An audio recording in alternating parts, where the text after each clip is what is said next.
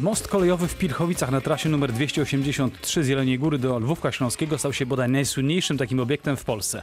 A wszystko za sprawą filmu, który jeszcze nie powstał. Podobno, to słowo będę powtarzał częściej, Część jego konstrukcji chcą wysadzić produ- producenci siódmej części filmu Mission Impossible z Tomem Cruzem w roli głównej, czyli w roli agenta Etana Hunta. Podobno pomoc w tym obiecali im, jak mówi w wywiadzie reżyser i scenarzysta filmu Dobrzy Ludzie z Polski. W obronie podobno zabytkowego mostu stanęły rzesze dolnoślązaków i wielbicieli zabytków techniki z całej Polski. Co tu jest prawdą, a co nie? I dlaczego tak po traktuje się w Polsce zabytki techniki? O to chcę pytać naszych dzisiejszych gości, a są nimi trzej panowie. Pan e, Patryk Wild, przewodniczący Sejmikowej Komisji Polityki Rozwoju Regionalnego i Gospodarki z zawodu architekt na łączach Skype. Dzień dobry. Dzień dobry. Dzień dobry. Cieszę się, że słyszy nas pan dobrze. Pan Daniel Gipski, zas- zastępca Dolnośląskiego Wojewódzkiego Konserwatora Zabytków we Wrocławiu. Dzień dobry. Dzień dobry, witam. I pan Arkadiusz Ferster, historyk sztuki, przewodnik po Wrocławiu i Dolnym Śląsku, człowiek, który przez ostatnie lata zajmował się zawodowo zabytkami techniki. Dzień dobry. Dzień dobry. Oczywiście liczę na to, że państwo też dołączycie do naszej dyskusji, będziecie zadawać pytania czy komentować. Numer telefonu przypomnę 71 33 99 060. Dodam, że chciałem też zaprosić przedstawiciela właściciela linii, czyli PKP PLK, ale rzecznik firmy, pan Mirosław Siemieniec, całą sprawę skomentował krótkim oświadczeniem, którego posłuchajmy teraz. Obecnie polskie linie kolejowe na trasie z Jeleniej Góry do Lwówka Śląskiego i na moście nad Jeziorem Pilchowickim nie planują żadnych prac. Nie mamy też podpisanych żadnych umów e, z podmiotami zewnętrznymi, które jakiekolwiek prace w okolicy linii kolejowych miałyby prowadzić. No i to oświadczenie, przyznam, mnie trochę zdziwi w, w momencie takim, kiedy od kilku miesięcy duża część ludzi, wielbicieli zabytków techniki nie mówi o niczym innym, tylko o zburzeniu mostu w Pilchowicach. I pozwólcie panowie, że najpierw naszego gościa z drugiej strony łączy, y, zapytam o to pana y, Patryka Wilda, y, bo właściwie tą jedyną, jedyną instytucją, która może używać tej linii jest w tej chwili województwo dolnośląskie. Państwo coś wiecie o tym, że tam miało się coś takiego dziać oficjalnie? No oczywiście plotki o takim scenariuszu, w którym e, ten e, most e, będący zupełnie sprawnym obiektem inżynieryjnym, a z drugiej strony dosyć unikalnym obiektem dziedzictwa kulturowego miałby zostać wysadzony, to pojawiały się już od jakiegoś czasu, ale i tu muszę powiedzieć, instytucje polskiego państwa zadziałały sprawnie od razu, jak się te plotki e, pojawiły. Wojewódzka konserwator e, zabytków e, rozpoczęła procedurę wpisania e, obiektu do rejestru zabytków, bo on nie jest zabytkiem rejestrowym, jest, jest w ewidencji. E, I e, prawdę powiedziawszy, ja również wtedy e, uważałem, że e, to są jakieś zupełne e, wymysły. Fake newsy, Aż do tak? czasu. Tak, tak, tak. Aż do czasu. Zresztą sprawę zdementowała również PKP PLK. No ale aż do czasu, e, kiedy w zupełnie zdumiewającym wywiadzie wiceminister Paweł Lewandowski e, zaczął depresjonować znaczenie tego obiektu. Zaczął mówić rzeczy całkowicie nieprawdziwe o tym, że obiekt jest w ruinie, co jest zupełną nieprawdą. Obiekt konstrukcję ma bardzo dobrą. E, i e, służy już e, 115, 114 lat e, i może służyć kolejne lata. I Jeżeli pan Rób- pozwoli o te, o te szczegóły związane z tym, to za chwilę zapytam tylko właśnie na razie, czy w No, ogóle ale były... dokładnie chodzi mi o to, że to po prostu potwierdzenie ze strony e, wiceministra e, kultury odpowiedzialnego za między innymi rozwój kinematografii. Jednocześnie to, co mówił pan e, reżyser, brzmiało identycznie, no to to był moment, w którym samorząd województwa e, zaczął reagować. Że jednak coś na rzeczy jest, tak? Tak, tak. E, A powiedział pan tutaj właśnie o tych niuansach związanych z zabytkami, więc mamy na miejscu człowieka, którego z- możemy zapytać o szczegóły, czyli pana Daniela Gipskiego, zastęp- zastępcę Dolnośląskiego Wojewódzkiego Konserwatora Zabytków. Jak to jest? To jest zabytek, czy to nie jest zabytek? No bo ci, którzy chcą wysadzać most, twierdzą, że właściwie to nic wartościowego. E, Proszę Państwa, trzeba rozwiać te wszystkie wątpliwości. Zabytkiem ten obiekt jest na mocy wszczęcia wpisu do rejestru zabytków. Szczęśliwie e, w związku z nowelizacją ustawy w 2018 roku przepis e, artykułu 10 ustawy chroni po prostu ten zabytek od momentu wszczęcia procedury do momentu uzyskania waloru ostateczności przez decyzję. Ten przepis jest skonstruowany dosyć radykalnie i mówi o tym, że żadne prace, ani konserwatorskie, ani budowlane, ani nawet jakiekolwiek inne działania, które mogłyby prowadzić do zmiany wyglądu tego obiektu, nie są możliwe. Czyli krótko mówiąc, dopóki decyzja nie zostanie wydana i dopóki nie e, uzyska waloru ostateczności, na tym moście tak naprawdę nie można robić nic. A już na pewno nie wysadzać go, jak rozumiem. A już na pewno go nie wysadzać. Ja tu muszę podkreślić, że my nieustająco e, opieramy się na właśnie, nie wiem, czy fake newsach, czy jakiegoś rodzaju plotkach, bo tak naprawdę na stole negocjacyjnym leżą dokumenty wytworzone tylko przez Wojewódzkiego Konserwatora Zabytków. E, oczywiście one mogą podlegać weryfikacji, to też już się pojawiło w przestrzeni publicznej. Ale ktoś pytał was oficjalnie, filmowcy, ministerstwo? I oczywiście nie, nikt nie pytał. Jest wystąpienie e, przedstawiciela e, producentów filmowych ze strony polskiej, ale bardzo oględne i właściwie e, podające parę własnych e, impresji na temat mostu. I niewiele wnosi do naszego postępowania, które mam nadzieję wkrótce zakończy się wydaniem decyzji. A ja jeszcze chcę pana Arkadiusza Ferstera zapytać, pan się zajmował zabytkami techniki, w dużej mierze również tymi kolejowymi przez ostatnie lata. I kiedy pan usłyszał o tym, no pan Patryk Wilit już o tym trochę też mówił, ale podejrzewam, że odbiór był taki sam. Jakim cudem, prawda? Znaczy, to była tak nieprawdopodobna sytuacja, bo pamiętam ten dzień, to było w marcu e, i zadzwoniła do mnie jedna z dziennikarek wrocławskich, e, nie będę tutaj reklamował teraz stacji konkurencyjnej, w każdym razie zadzwoniła jedna z dziennikarek i mówi do mnie, Arek, słuchaj, czy ty słyszałeś, że most w Pilchowicach do jakiegoś filmu mają wysadzać? I ja na początku, jak ona to powiedziała, pomyślałem sobie, że ona mi wkręca po prostu, że to jest taki żart. Albo że, nie wiem, szczególnie trzeźwa jest. tak, po prostu, że coś jest naprawdę nie- nie tak, bo to jest niemożliwe, żeby ktoś brał to, ale po dłuższej rozmowie, rozmawialiśmy tak z pół godziny i doszliśmy do wniosku, że nie, to jest niemożliwe, żeby to była prawdziwa informacja, e, bo po prostu no, nikt przy zdrowych zmysłach nie wysadzi e, przepięknego mostu, będącego zabytkiem techniki, będącego częścią Unikatem. tak, dziedzictwa kulturowego tego regionu i tego, tej, tej części Europy, żeby przez 7 sekund w filmie coś wybuchło, kiedy można to zrobić naprawdę na milion sposobów. Wystarczy popatrzeć na Gwiezdne Wojny i naprawdę parę innych filmów i można zrobić takie wybuchy, że naprawdę wysadzanie mostu wydaje się być absurdalne. Ale jeszcze pan Patryk Wil wywołał ten temat, więc ja przytoczę dosłownie fragment tego wywiadu z panem wiceministrem kultury i dziedzictwa narodowego Pawłem Lewandowskim, e, który mówił o tym moście tak. Ja bym się nie fiksował, że to jest zabytek. Nie każda stara rzecz jest zabytkiem. Wyraźnie jest napisane w ustawie, że zabytkiem jest ty- tylko to, co ma wartość społeczną, artystyczną bądź naukową. W sztuce i kulturze ta wartość powstaje tylko wtedy, jeżeli jest relacja między obiektem kultury a człowiekiem. Jeżeli więc obiekt jest nieużytkowany, niedostępny, to nie ma takiej wartości. Więc to nie jest zabytek, relikt postindustrialny. Stoi zrujnowany, nieużywany, nikt nie cieszy się, nie cieszy tym oka. To nie ma wartości ani artystycznej, ani naukowej, ani społecznej. Y, Pan Patryk Wild, kiedy pan to, bo pan to czytał też, zresztą pan się na to powoływał, y, trochę pana nie zdenerwowało to, delikatnie mówiąc? Że to są kompletne bzdury, bo pan wiceminister, ja, wiem, że on resortowo nie zajmuje się zabytkami, ale stworzył swoją jakąś unikalną własną definicję zabytku, twierdząc, że ona jest y, definicją ustawową. A w ustawie nie jest napisane, że zabytek ma mieć wartość społeczną, tylko ma mieć wartość historyczną. To taka drobna zmiana, która zmienia wszystko. I oczywiście ten obiekt ma wartość historyczną bardzo, bardzo dużą. E, a gdybyśmy e, zastosowali e, definicję stworzoną na potrzeby uzas- uzasadnienia swojego stanowiska przez pana wi- wiceministra, stanowiska w tej sprawie, e, to właściwie zabytkami nie byłaby bardzo duża część e, ważnego kulturowego dziedzictwa Dolnego Śląska, bo bardzo duża część na przykład pałaców, na przykład e, dawnych fabryk, gdzie skończyła się ich przydatność do dotychczas pełnionej funkcji, a nowe jeszcze nie znaleziono. E, To wszystko, e, stosując tą definicję, nie byłyby zabytki, bo są w tej chwili nieużywane, a niektóre nawet są w, ruinie. To, no, ja w ogóle mm, czytając to nie wierzyłem własnym oczom, ale nie tylko ja. Znaczy, ja, ja bym dodał, że, że nie tylko Dolnego Śląska, ale w ogóle całego świata, bo począwszy od piramid, prawda? One też nie są użytkowane tak. w, żaden, w żaden sposób w tej chwili, więc równie dobrze wedle tej definicji moglibyśmy te piramidy wyburzyć po prostu. No i tyle.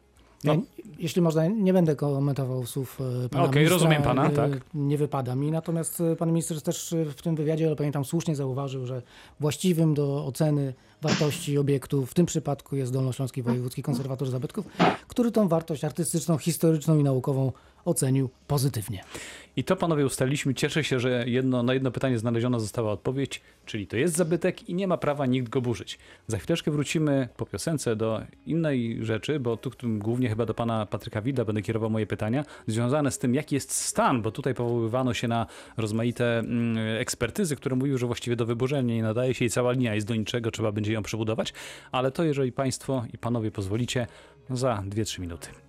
Rozmawiamy o moście w Pilchowicach, który jak widzimy i słyszymy, bo właśnie dozwolił się do nas słuchacz, budzi e, bardzo żywe e, reakcje. E, Dobry wieczór, Maciej Sas, Radio Wrocław. Witam pana, dobry wieczór. Piotr Gik z Jeleniej Góry dzwonię. Kłaniam się. E, przyznam się, że e, próbuję się powstrzymać od, od, e, od nerwów, które mnie ponoszą, jak słucham, pa, e, no nie pana, bo pan, dziękuję, że pan poruszył tą sprawę, ale jak, e, jak słucham, wyobrażam sobie to, że to polityczne rozmowy są już teraz, bo jeżeli ktoś... Znaczy wie pan, nie, tu, tu, tu polityka akurat, przynajmniej żaden z nas nie ma takiej inklinacji, żeby do polityki sięgać. Okej, ale słyszymy wypowiedzi ludzi, którzy nie wiem, czy ten most nie widzą, czy nigdy go nie widzieli, czy, czy nie widzą w jakim on jest stanie. Ja tam jeżdżę rowerem w lecie ze 100 razy, w zimie z 50. E, Widzę trzeba się zastanowić nad tym, ponieważ e, ten most ogląda bardzo dużo ludzi i tam wchodzi na ten most. E, Kiedy ten most jest zamknięty, kiedy się po prostu rozwalają deski, które tam można było tym mostem przejść, już tego, tych desek już prawie nie ma. Ten, mostek, ten most jest w strasznym stanie. Ale wie pan co, wtrącę, ale wtrącę się panu, bo zdaje się, że to Tak. jest most kolejowy, a nie dochodzenia pieszego. Tak, ale bokiem, ale bokiem po jednej i po drugiej stronie są dechy takie, które można było e, technicznie przejść przez ten most. Obecnie teraz już nie jest. Jest całkowicie zamknięty od parunastu lat i kiedy wystąpiwaliśmy, kiedy jeszcze ja kiedy występowałem e, z prośbą o możliwienie jumplingu, tam zrobienie na tym moście, e, informacje były takie, że ten most jest dostawiony i ten most jest pierw PKP, potem kogoś innego i ten, ten most jest w strasznym stanie, będzie rozebrany. Wszyscy o tym mówili, że ten most zostanie rozebrany. A teraz nagle wszyscy go bronią. Ja nie mówię, że nie, bo bardzo on jest super, rewelacja ten most, ale zróbcie coś, żeby ten most wyglądał jak most, bo teraz on to wy, wygląda jak No i- ruina. I właśnie o to, i właśnie będzie dobra okazja. Dziękuję, że pan o tym powiedział. Zapytamy pana Patryka Wilda, który doskonale wie, w jaki sposób e, sytuacja wygląda, bo województwo dolnośląskie chce przejąć między innymi ten most razem z całą linią i coś tam robić. Jeżeli pan pozwoli, właśnie pana Patryka Wilda zapytam o to, coś tam ma dziać. Dziękuję panu bardzo. Dobrego wieczoru życzę. Wszystkiego dobrego, dziękuję. E, Słyszał pan, e, o co pytał nasz słuchacz, prawda? Tak, tak. I potwierdzam, że rzeczywiście e, deski na tym moście e, są już mocno e, skorodowane. Nie, tak, nie wolno na, na niego wchodzić. Zresztą nie wolno byłoby na niego wchodzić również i wtedy, gdyby te deski były w super stanie, bo to jest most kolejowy czynny. Bo ta linia kolejowa, chociaż ma tak zwaną prędkość zero i na razie z powodów technicznych nic nie może na nią wjeżdżać, to jednak jest czynna linia kolejowa. Faktycznie ze względu na e, zły stan nawierzchni torowej tam została ograniczona prędkość najpierw do 10 km na godzinę na długich odcinkach tej trasy, a potem w ogóle do, do zera. E, No i w związku z tym województwo dolnośląskie powiedziało, ok, to my chcemy przejąć tą linię od PKP PLK i sami na własny koszt wyremontujemy tą, e, tą linię po to, żeby e, no, mogły tam wrócić po, e, pociągi. Od razu się odniosę, że to jest nieprawda, co mówił słuchacz, że od 10 lat tam w ogóle nic się nie dzieje, bo ostatnie pociągi rozkładowe jeździły tam 4 lata temu, a pociągi specjalne jeździły tam 3 lata temu. E, I ten most, jak chodzi o nawierzchnię torową, to ja się zgodzę, ona właśnie wymaga e, wymiany.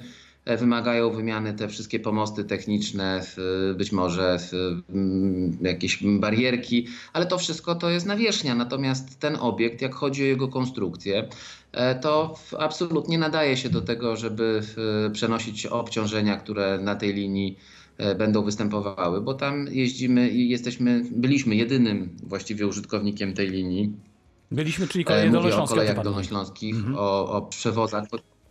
Tak, tak. o Przewozy, które e, zamawia samorząd województwa, to były jedyne przewozy, które się tam e, odbywały. I dla takich przewozów ta linia w zupełności wystarczy. Nie ma żadnej potrzeby wpuszczać tam ciężkich czy bardzo ciężkich pociągów towarowych. a to dlatego, że równolegle do tej linii biegnie zelektryfikowany ciąg towarowy magistralny z Jeleniej Góry przez Lubań do Węglińca i cały ruch towarowy z Jeleniej Góry właśnie na tym kierunku może pójść tą e, równoległą linią, która jest właśnie no, z, z linią o dopuszczalnych dużo większych obciążeniach, chociaż gdyby była potrzeba, to oczywiście lżejsze pociągi towarowe również przez ten most i tą linią mogą jeździć. To od razu pana muszę zapytać też w takim razie, bo pojawiła się E, też ekspertyza na potrzeby filmowców, która mówiła, przynajmniej oni tak twierdzili, że no właśnie, trzeba przebudować tak, żeby to było na cięższy ruch przezn- przeznaczone, bo właściwie w tej chwili to trzeba i linię zerwać i most zburzyć. Czy, czy rzeczywiście, y, jak to jest z tym, y, ciężkim Jeśli ruchem? by tak było, to przy... Coś, E, No właśnie nie ma żadnego powodu. Dla... Przepraszam, ale coś chyba. e, Ale coś- coś tam pan mam zrywa. Zdaje się, że gdzieś- z łączem mi się dzieje. Gdzieś wiem, daleko pan jest od nas, tak? To wie pan co, No rzeczy, rzeczywiście, ale e, teraz Ja- mnie słychać? Teraz pana słychać tak. Myślę, że wie pan co, za chwileczkę wrócimy do tego wątku, jeszcze spróbujemy jeszcze raz nawiązać połączenie, a ja panów zapytam, yy, Arkadiusz Ferster, yy, pan między innymi właśnie tym ruchem kolejowym na takich liniach się zajmował i tam można było nawet w tych takich trudnych miejscach poruszać się, prawda? Tak, oczywiście. Na to jest- specjalnych warunkach. I to, jest, I to jest właśnie bardzo charakterystyczne, że rzeczywiście e, wszyscy miłośnicy zabytków, e, techniki związanych z kolejnictwem to potwierdzą, że rzeczywiście na Dolnym Śląsku to jest ten region, gdzie w bardzo wielu miejscach, po bardzo wielu trasach, które zasadniczo są nieuczęszczane, specjalne składy kursują i one tam przejeżdżają i, i naprawdę nic się złego po drodze nie dzieje. Ja sobie zdaję sprawę, że oczywiście nie możemy porównywać jednego czy dwóch przejazdów z jakąś regularną linią, prawda? Ale to dowodzi jednego faktu, że ta infrastruktura jest w, na tyle dobrym stanie, że na pewno no, nie argument, że ona jest y, tak fatalna, że to trzeba wyburzyć, no w ogóle nie wchodzi w rachubę, bo właściwie nie ma chyba takich, ja nie kojarzę takich miejsc, y, żeby y, nie dało się tej infrastruktury kolejowej dolnośląskiej przywrócić do stanu pierwotnego, takiego, żeby tam mógł się odbywać ruch. A czy z punktu y, widzenia konserwatora zabytków są jakieś przesłanki, że kiedy na przykład taki właśnie zabytek techniki jest w kiepskim stanie, żeby ktoś miał prawo do wyburzenia go? Czy w ogóle wchodzi w rachubę coś takiego? Pan patrzy na mnie tak podejrzliwie. Podejrzliwie, e, no tak, może podejrzliwie, w każdym razie przesłanek żadnych nie ma. To trzeba sobie wyjaśnić. E, Organ konserwatorski bierze pod uwagę przede wszystkim wartości obiektu e, i wręcz można powiedzieć, że stan techniczny nie ma tutaj znaczenia co do objęcia ścisłą ochroną obiektu, także obiektu techniki. Bierzemy pod pod uwagę wszelkie okoliczności. E, No zdajemy sobie sprawę też, że tego typu obiekty, może nie akurat infrastruktury kolejowej, ale kubaturowe, e, obiekty poprzemysłowe są trudne do adaptacji, więc trzeba dobrze prze- przemyśleć e, zakres wpisu. Ale absolutnie bierzemy pod uwagę wartości historyczne, artystyczne, naukowe, a nie stan techniczny. On może być słaby, ale to nie oznacza, że nie można go poprawić za pozwoleniem konserwatorskim, oczywiście, który, który z, e, odniesie się do zamierzonych prac, wskaże, które są możliwe, które niemożliwe. E, Jeszcze chciałbym wrócić do tego poprzedniego wątku. O ile kojarzę, pojawił się w mediach też taki wywiad z, z twórcą tej ekspertyzy na potrzeby filmowców, który, Tak, w Gazecie Wyborczej Beata kto- Maciejewska rozmawiała. tak, który no, troszeczkę zmienił chyba zdanie i jednak e, twierdzi teraz, że most nadaje się do remontu. Moim skromnym zdaniem, bo nie jestem fachowcem, jak mówię, my z tej strony nie oceniamy obiektu, ale moim skromnym zdaniem on e, nadaje się do, do, do użytkowania przy drobnych pracach naprawczych tak naprawdę, bo odeskowanie to jest e, podstawowa rzecz, którą się prawdopodobnie co parę lat wymienia. To jest y, kosmetyka.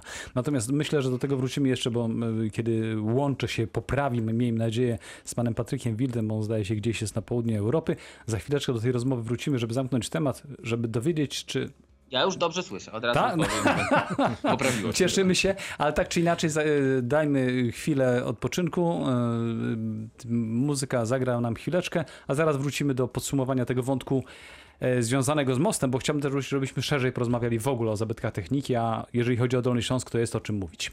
20.34, w wieczorze z Dolnego Śląska rozmawiamy dzisiaj o e, mającym zostać wysadzonym albo niewysadzonym moście kolejowym w Pilchowicach i w ogóle o zabytkach techniki. E, Przed piosenką e, rozmawialiśmy z panem Patrykiem Wildem o tym, co się ma stać z tą linią całą, no bo na podstawie jednej z, y, z jednego z opracowań właściwie ona nie, nie nadawałaby się do użycia. Tak przynajmniej twierdzili producenci filmowi, którzy mieli pomóc Tomowi Cruzowi wysadzać most w Pilchowicach. No cóż, ta linia e, do użycia nadawała się jeszcze e, tak naprawdę 4 lata temu. E, Jedynie jej nawierzchnia była w złym stanie technicznym i my w tej kadencji, do końca tej kadencji mamy zamiar wyremontować tą nawierzchnię i przywrócić tam ruch pociągów. My mówię o samorządzie województwa. Czyli nie będzie to wielka, gigantyczna inwestycja, tylko po prostu przystosowanie do, do, do. To jest tak naprawdę e, remont nawierzchni e, torowej, przywrócenie pierwotnych parametrów tej linii, a w przypadku tego mostu, no to taki remont powiedzmy o naturze konserwacji, czyli odnowa mm, powłok malarskich, odrdzewienie i, i tyle. Nic więcej tam nie trzeba.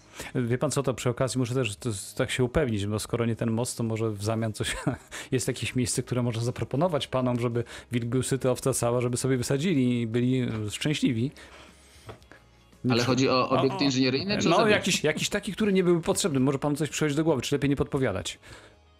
No, panie redaktorze, my jako samorząd województwa mamy plany rewitalizacji ponad 350 km y, dawnych linii kolejowych i chcemy przywrócić tam ruch kolejowy. E, Na nich jest całkiem sporo obiektów mostowych, y, które nie są y, zabytkami, są cennymi obiektami inżynieryjnymi, więc e, jeśli pan mnie wyda o to, to nic mi do głowy nie przychodzi. Rozumiem, nie będziemy podpowiadać. No dobrze, jeszcze jeden wątek, żeby, jeszcze jedna sprawa, żeby to zakończyć. Czy pan akurat sądzi, że dojdzie w ogóle do tego, do finalizacji? Czy ktoś będzie chciał jednak, no, zrobić to ujęcie, udające zresztą Szwajcarię, bo tak naprawdę w filmie miałoby być to podobno Szwajcarią i wysadzić ten most?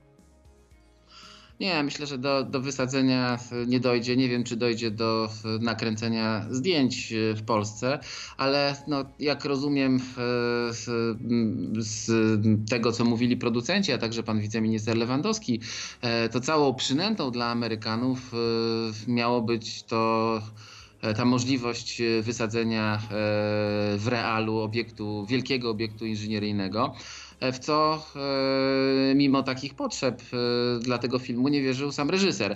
W związku z czym, jeżeli tej przynęty nie będzie, to obawiam się, że do zdjęć może tutaj e, nie dojść. No ale nie dojść, ale ta, ta przynęta nie była warta tych kilku sekund filmu w, w ujęciach udających właśnie Szwajcarię. Jak ktoś uważa, że to była promocja Polski, e, to my takich promocji w historii tragicznej naszej mieliśmy bardzo dużo, że ktoś przyjeżdżał i coś tu wysadzał i wcale nie uważam, żeby to się skończyło efektem promocyjnym jakimkolwiek. A panowie, co o tym sądzicie? Y, Mówię do gości w studiu, czyli y, Arkadiusza Ferstera i pana Daniela Gipskiego. Y, To, to byłaby promocja? W ogóle w jakikolwiek sposób płynęłoby to na poprawę naszego wizerunku w świecie?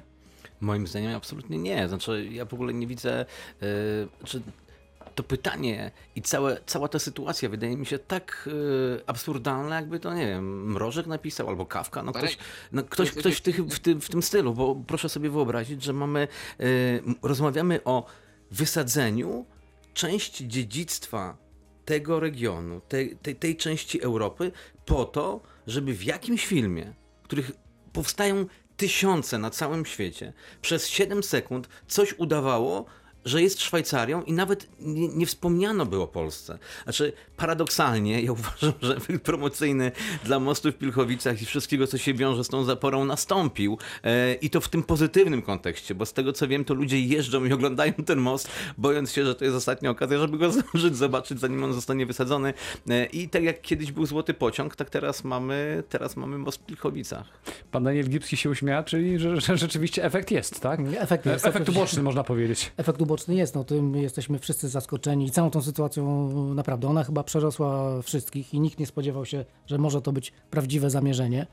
E, e, Bardzo jestem podbudowany postawą Dolnoślązaków i w ogóle ludzi w Polsce, którzy stanęli w obronie obiektu techniki i obiektu zabytkowego, bo to chyba jest tak naprawdę precedensowa sytuacja wobec takich zamierzeń. Zbulwersowany jestem naprawdę bardzo takim neokolonialnym podejściem do państwa polskiego, bo tak to trzeba nazwać w ten sposób. I muszę dodać jeszcze oczywiście jako przedstawiciel organu administracji publicznej, e, Mamy narzędzia, mamy artykuł 108 ustawy o ochronie zabytków i opiece nad zabytkami, który przewiduje za zniszczenie zabytków sankcje karne i to trzeba mieć w świadomości. Nie zawahamy się użyć tego. Zabrzmiało stanowczo i groźnie. E, o innych zabytkach techniki chciałbym, żebyśmy porozmawiali, ale na razie dajmy szansę piosence. Za moment wracamy. Mission Impossible, wysadzanie mostu w Pilchowicach, zabytki techniki, o tym dzisiaj rozmawiamy w Wieczorze z Dolnego Śląska. E, Na, dodzwonił się do nas kolejny ze słuchaczy. Dobry wieczór, Maciej Stas, Radio Wrocław. Witam pana serdecznie, Mirosław z tej strony. Kłaniam się. Z czym pan do nas dzwoni?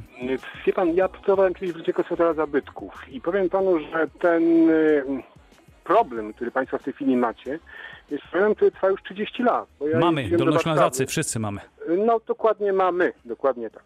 E, Więc ja jeździłem w połowie lat 90. do Warszawy, walcząc o to, żeby nie niszczono linii kolejowych e, na Dolnym Śląsku. E, Nie dało się tego wówczas przeprowadzić, bo cena złomu była wyższa niż niż interes społeczny.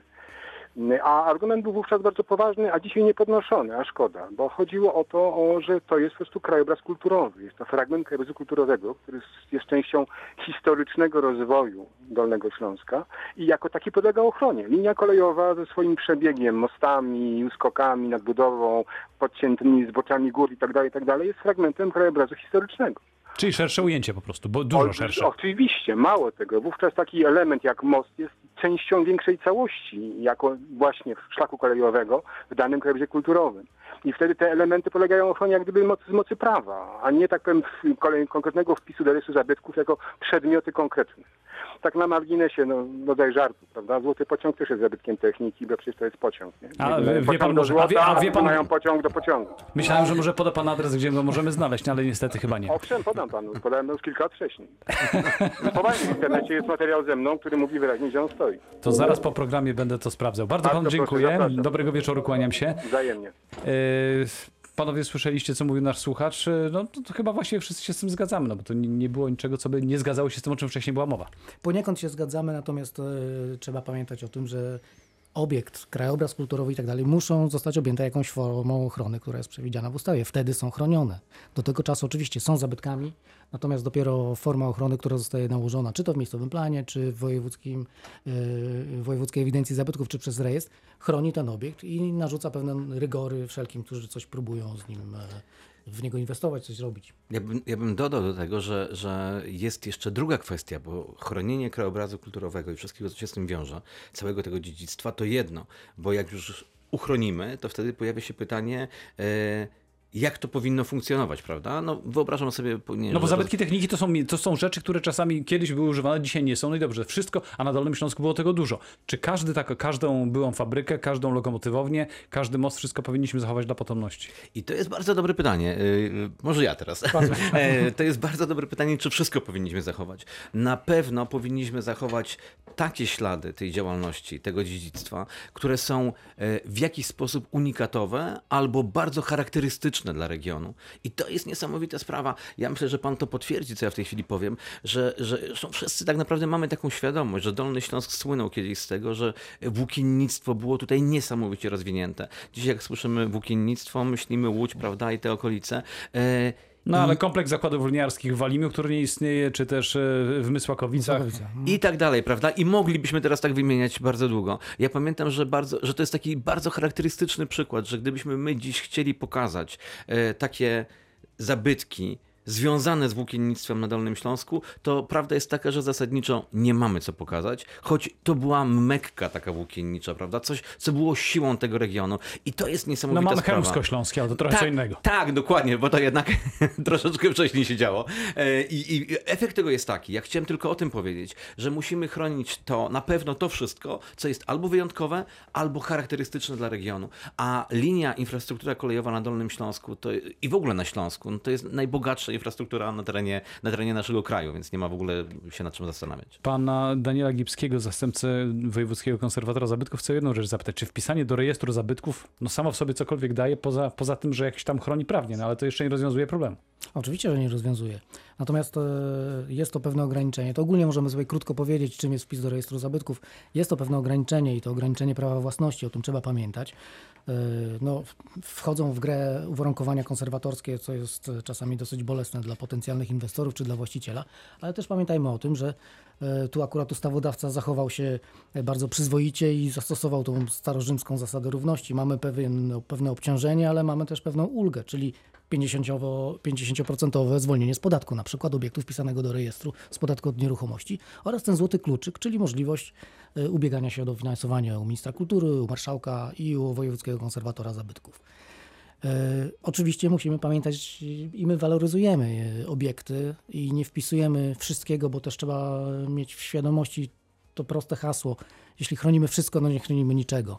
Tak nie będzie. Y, Są sytuacje, w których tak naprawdę wpis do rejestru zabytków nie jest konieczny, bo mamy tak światłego właściciela, że właściwie to się dzieje samo i konserwator nie jest tu żadnym nadzorcą, tylko może podpowiadać, podpowiadać e, prawidłowe rozwiązania. Ale, ale to ja bym chciał wejść w słowo, bo to jednak jest ważne teraz. To krótko, bo jeszcze pana Patryka Wilda No też właśnie, że z drugiej strony mamy takie sytuacje, że mamy obiekty, które ewidentnie i kulturowo, i historycznie są ważne e, i z jakichś powodów e, ulegają całkowitej degradacji albo częściowej degradacji i żeby daleko nie szukać, proszę Państwa, u nas we Wrocławiu najstarszy dworzec kolejowy na ziemiach polskich.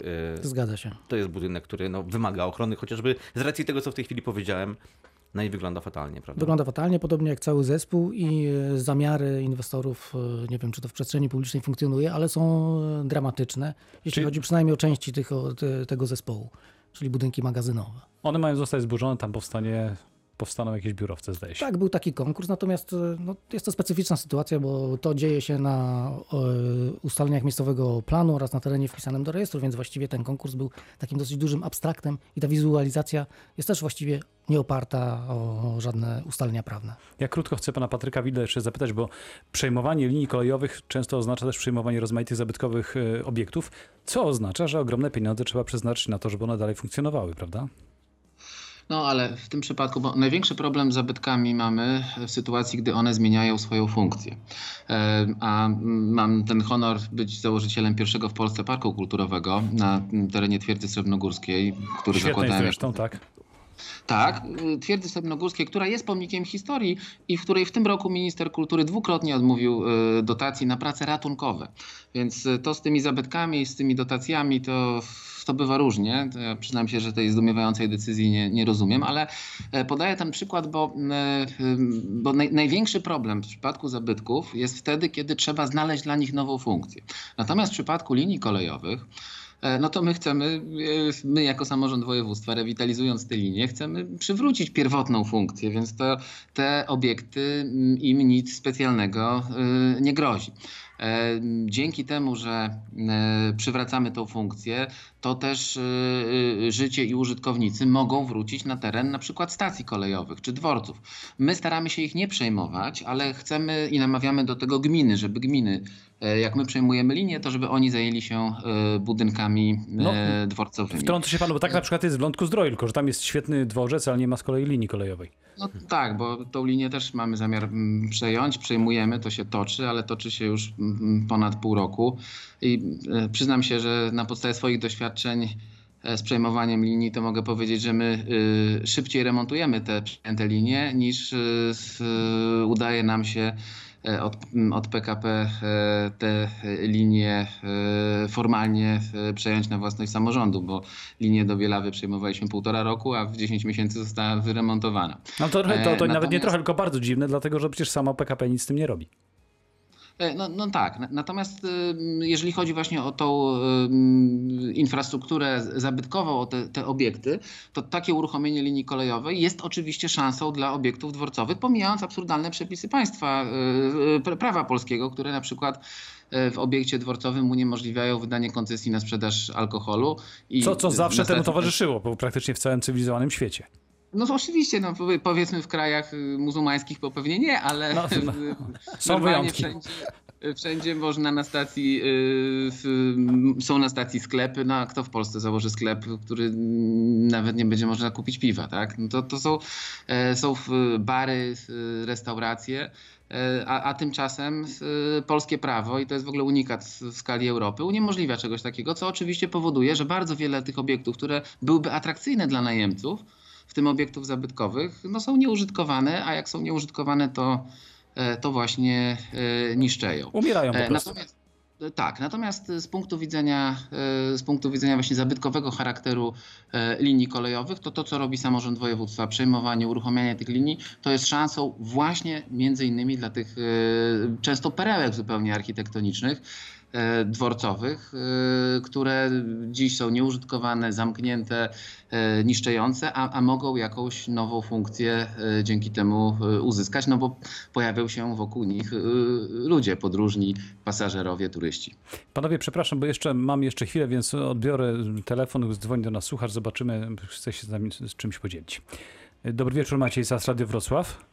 Dobry wieczór, panie Macieju. Ryszard Nowak się kłania. Ja mam zapytanie Kłaniam się pana... bardzo krótko, panie Ryszardzie, bo niewiele czasu nam zostało. Dobrze, bardzo proszę. Dobrze. Ja mam, y, mam pytanie do pana Patryka Wilda. Czy jest możliwe, bo w odgieś czasu pisałem, to już będzie chyba piąta moja interpelacja w sprawie przywrócenia linii kolejowej Szczadienko-Szczawno, y, Biały Kamień, Bo, Bogusów, Gorcech w tą stronę przez nasyp y, białokamiński i do tej pory kiedyś on gdzieś ta linia chodziła, czy jest możliwość, żeby to z powrotem przywrócić? Zadajemy pytanie. Dziękuję bardzo, panie Ryszardzie. Pan Patryk Wilk, słyszał pan, co, o co pytał odpowiedź tak, tak, tak. Tą linię już przejęliśmy e, i ona jest własnością samorządu województwa i na pewno przynajmniej na części e, tej trasy planujemy e, przywrócić funkcjonowanie kolei. Mówię na, na części trasy, dlatego że równolegle do tej linii w ramach programu Centralnego Portu Komunikacyjnego ma powstać szybka, bardzo szybka, nowa linia kolejowa z tunelem w,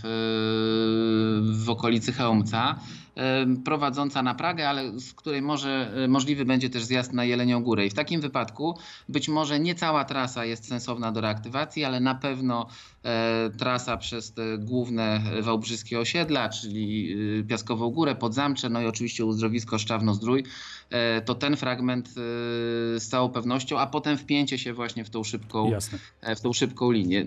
Decyzje, no tru, trochę trudno mówić o, o nich e, w tej chwili, no bo decyzje co do ostatecznego przebiegu tej nowej linii e, jeszcze nie zapadły, dopiero e, toczą się prace planistyczne, inwentaryzacje środowiskowe, ale jeśli by rzeczywiście tak było, to trzeba się zastanowić, czy, czy warto odtwarzać ciąg de facto równoległy od szybszego i nowego.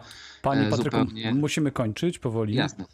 Ale to, to, to odpowiedziałem. Bardzo dziękuję. Ja tylko chcę jeszcze panów zapytać, panowie po minutce, dlaczego tak jest, że y, tak po macoszemu te zabytki techniki są w Polsce traktowane? Obaj macie z tym no, z różnych powodów wielkie doświadczenie. Pan y, y, Daniel Gipski. Na pewno nie są to obiekty łatwe do adaptacji. One są tak naprawdę zazwyczaj, jeśli mówimy o architekturze, obudową ciągu technologicznego i przystosowanie do nowych funkcji wymaga naprawdę mm, zaangażowania światłego architekta i dużej świadomości inwestora. I w ogóle myślę, że mówimy tutaj o ogromnej potrzebie wzrostu świadomości społecznej. Ona się dzieje. Ja jestem dobrej myśli. Dokładnie Pan tak jak pan powiedział. Kwestia adaptacji tych obiektów to jedno, bo zwykle jeżeli coś kiedyś pełni jakąś funkcję, a dziś już tej funkcji nie pełni, e, to musimy coś z tym miejscem zrobić, prawda? Jednocześnie starając się pokazać, jak to kiedyś wyglądało e, i znaleźć kogoś, kto sprawi, że to miejsce będzie jakoś funkcjonować. I to jest pierwsza kwestia. I druga, myślę, że to jest bardzo charakterystyczne wciąż jeszcze dla Polski, niestety, że kwestia zabytków techniki jest e, postrzegane, że zabytki techniki zwykle nie są postrzegane jako zabytki, prawda? Że zabytkami są kościoły, pałace, prawda, dwory, to są zabytki. Bardzo rzadko patrząc na, na duże obiekty inżynieryjne widzimy, że są to zabytki. Panowie, czas się nam kończy. Bardzo dziękuję za rozmowę. Dużo z tego wyniknęło konkretnych rzeczy. Przypomnę, że naszymi gośćmi byli dzisiaj pan Daniel Gipski, pan Patryk Wild i pan Arkadiusz Ferser. Bardzo wam dziękuję. Dziękuję. Dziękuję. Państwu Dziękuję. dziękuję i dobrej nocy życzę. Kłaniam się.